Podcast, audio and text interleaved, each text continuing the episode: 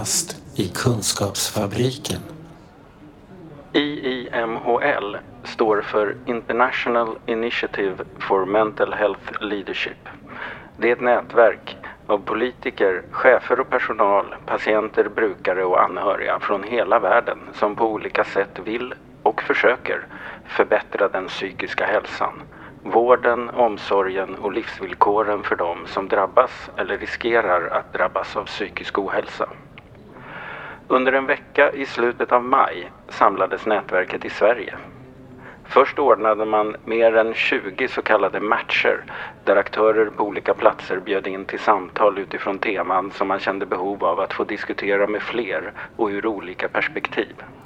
I slutet av veckan träffades alla deltagare i Stockholm för att samla ihop vad man pratat om i matcherna och fördjupa dialogen ännu mer. En match handlade om den fysiska hälsan hos personer med psykiska sjukdomar. I den deltog Ken Ju från USA som utvecklat programmet In Shape. In Shape fokuserar på att skapa välmående utifrån deltagarnas egna mål i livet.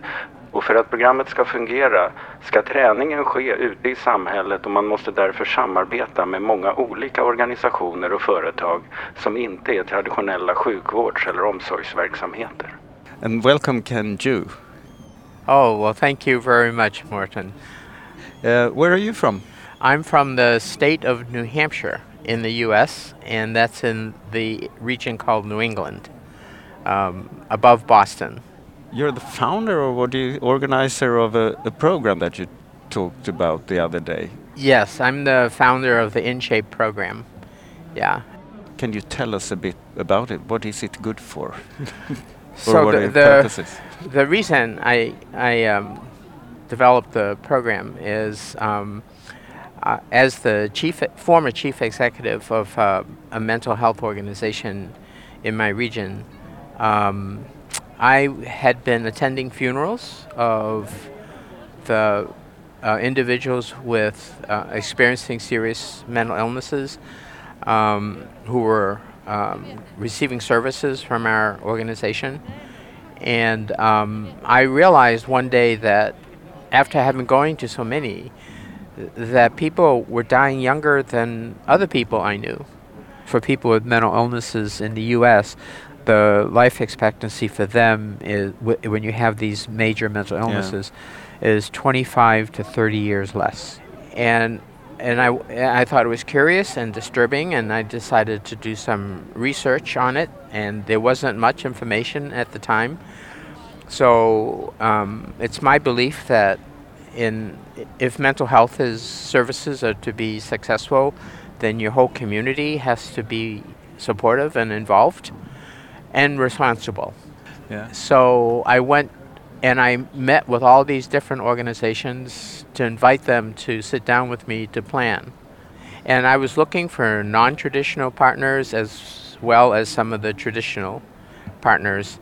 Um, and that included um, organizations run by peers. Personer med egen erfarenhet av psykisk ohälsa. Um, in, in fact, two uh, different peer run organizations were a part of the planning group. And also um, uh, the National Alliance for the Mentally Ill in the U.S. that represents families, Okay. uh, family And members. These are NGOs. uh, yeah, those are various- NGOs, that's right. Enskilda och ideella organisationer. And what were the more untraditional partners? Also, um, the local YMCA, Okay. uh, a local hotel that had a s an unused or very little used swimming pool, um, some private, uh, privately owned for-profit fitness centers, um, and in the U.S., it's not common for mental health agencies to work with universities.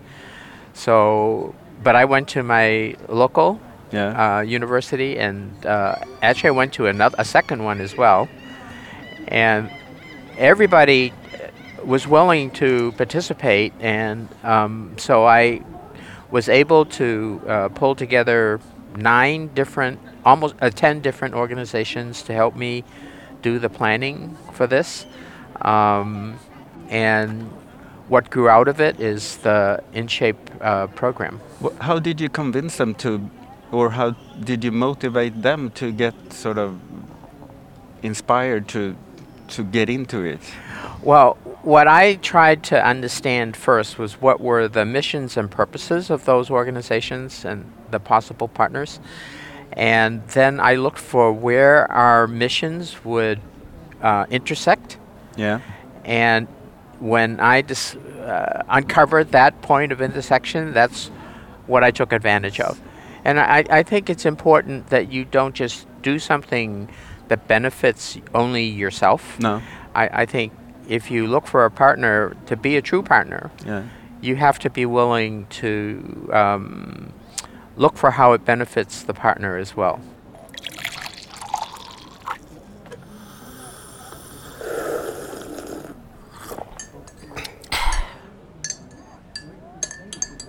And what did InShape turn out to be then? So uh, where InShape is now is it's there are agencies Myndigheter. in the U.S. Um, th- in 28 states that have implemented the program. So altogether, we're probably serving thousands of individuals um, in a, a, a health and well-being program um, that they never had a- an opportunity to participate in uh, before. So people actually, um, it has to do with their personal fitness Yeah. um, but they don't have to um, go to a gym.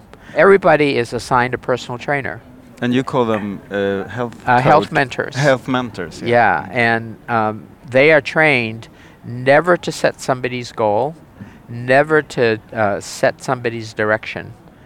I imagine if you're trained as a PT, a traditional personal trainer, you really put do programs for people. How did they react when you said that you're not allowed to do that? Uh, a- a- actually, they were intrigued. okay, okay, that's good. and, and they said, "So how do you work with somebody in this f- way Yeah. w- with personal fitness?" And and they don't know uh, what to do. no.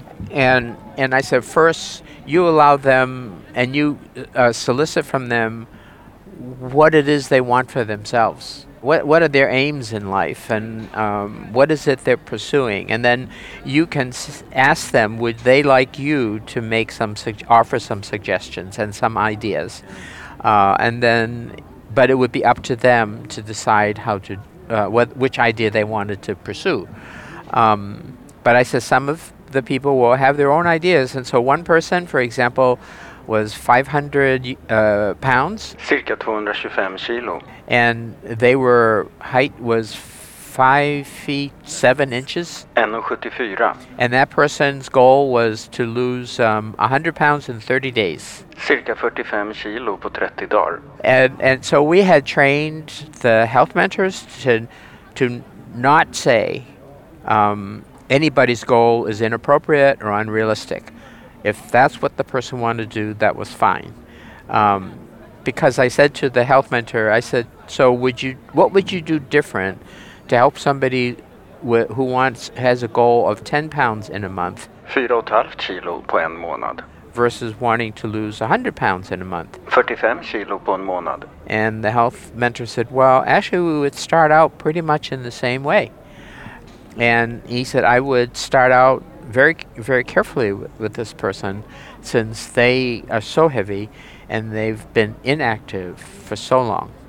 And uh, so, what happened actually with that person is that at the end of 30 days, they had a review, and the person was was very um, upset with himself, and had said he, that he had not lost 100 pounds, and again, uh, he he said that he was a failure, and um, the health mentor took a different tact, and he said, "Well, um, when was the last time you lost 10 pounds?" Which is what had happened. Uh, and the, the member had lost 10 pounds in a month. And the member thought about it and said, You know, I can't remember. I've only been putting on pounds. And, and the health mentor said, We should celebrate. And they did, and they, you know, they went through a, a bit of a jig and En livlig dance. And then the health mentor said, um, So, what would you like t- to set as a goal for the next 30 days? And the member said, um, How about 10 pounds? And that person now, I, I, I believe, has lost half his body weight. And um, it took several years to do this. Um, And that's also how the program works. If you join, you can stay. yes, you can It's not just a treatment for a amount of time or something. think of yourself. If you haven't done something for decades and you start something and you need to develop new lifestyle, can you do it in six months? Yeah. Um, so why would we expect that uh, any anyone else, especially somebody who's trying, also struggling with uh, a challenge of uh, a serious mental illness?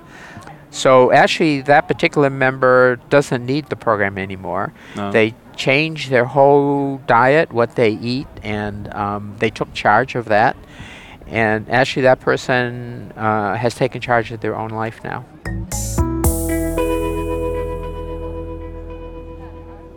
Can I give you another example Yeah, of sure. So there was this uh, uh, fellow. He's when he joined the program, he was about age 38, and um, he lived in a terrible housing situation by himself. He was isolated. He had put on uh, quite a bit of weight. He had a di- He had been diagnosed with the diagnosis of schizophrenia. He smoked um, two to three packs of cigarettes a day, and he drank um, two to three liters of um, soft drink uh, per day, and um, his health was terrible.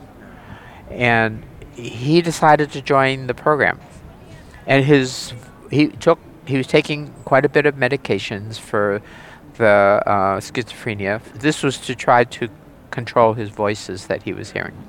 In my region, we have this little mountain that's about 3,000 feet Drygt 900 meter. And, and his goal was to climb that mountain in a year. So on the very first day he stopped smoking, he said, "I'm not Aha. smoking anymore." Okay. And we said, "It's going to be very hard." And he says, "I have this goal. I want to climb that mountain. I cannot do that if I keep smoking." No. So where is he now?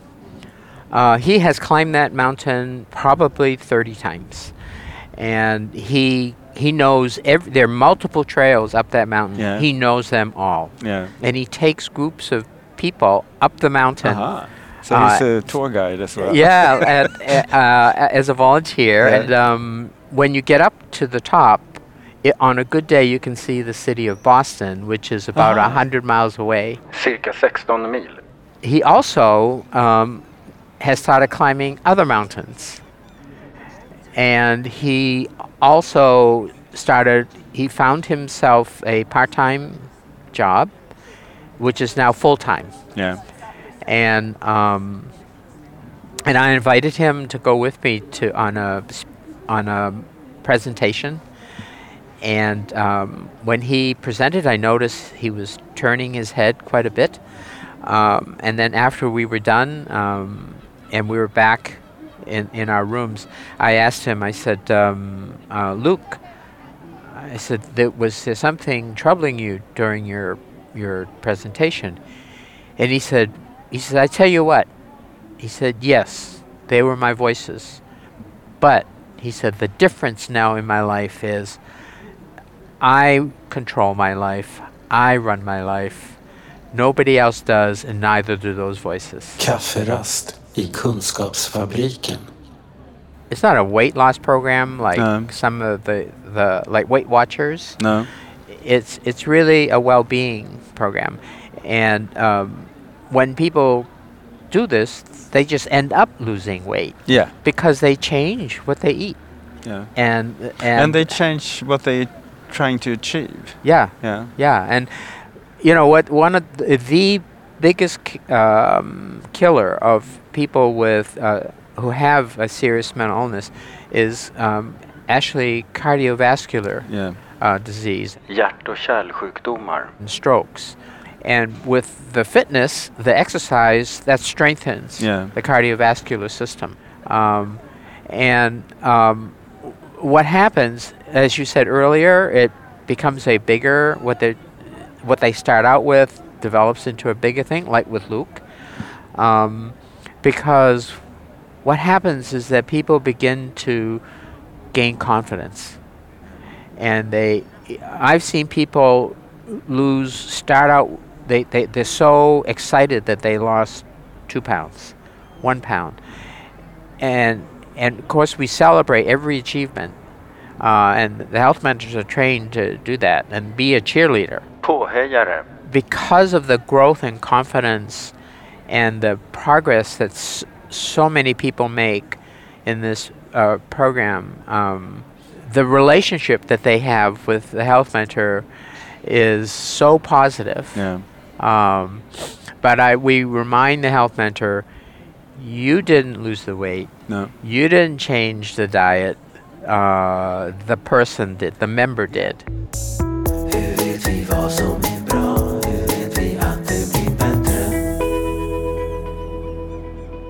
Everything we do is in the community, is not in a mental health center Yeah. or a healthcare f- institution. That's why the hotels was Yes. a good thing to where to, to find the pool and so- yes. yeah. Um, yeah, that's that's really important, I guess. yeah, because um, we know through research that being feeling as you uh, feeling like you belong Yeah. and being included, it really helps people be healthier. Yeah. um, and being excluded and shut out uh, and discriminated against actually shortens people's lives. And I think sometimes in the mental health field, all too often, we have tended to protect people uh, rather than to encourage them to stay engaged in their world, in their communities. Yeah, and get brave enough to step out there. So you have self-management, you have the recovery principles, and you have this social inclusion. Yeah. That's, is that the three sort of cornerstones? Can you have three cornerstones, or do, do you need a fourth one? well, uh, yeah, the f- one, the fourth one that's related to social inclusion is community engagement, so that the community yeah. itself has to be receptive and to be so the environment. Uh, part of the responsibility of the program is to work with community. That's why we have partners. Yeah, so that there's an interest in various places in the society of the outcome of this. Yes. Yeah, Yeah, and and also that they take responsibility. yeah, that mental health and mental illness is not just the responsibility of a single organization, but it's that of communities. We even have private businesses that sell shoes and sporting goods that have taken responsibility, and, Yeah. and they become partners. Um, so businesses Yeah. in our communities have, have in different programs around the U.S. have have joined in. For how long have you been running the program? Uh, the program I, I created it in 2003. So it's 15 years. now. Yeah, and it's been researched by Dartmouth uh, College uh, for 15 years, Uh-huh. and so it now in the U.S. is considered an evidence-based practice, Okay. and it's the only evidence-based practice of its kind. Do they check out how it the ones that left many years ago are feeling today? Dartmouth has done that, Yeah.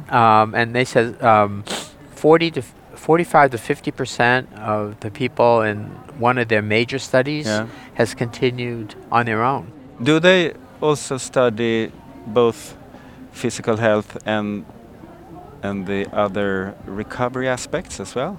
Uh, you know, researchers. You, you can't tell researchers what to study. I would love for them to, to study that, but they what ins- they don't. No. But what the organizations that offer the programs do, they keep data. They keep Uh-huh. their own data. And I urge them to do that because it's very important. Yeah. Um, because the agencies Myndigheterna in the US are always having to justify their funds. försvara sina utgifter. very big thank you for joining the podcast. Oh, it, it was my my privilege to be asked to do Now we this. wi- will go inside and be a part of the last day of this f- magnificent week uh, of conferences and talks and dialogues and debates. Yes. Take care, Ken. Thank you very much, Morten.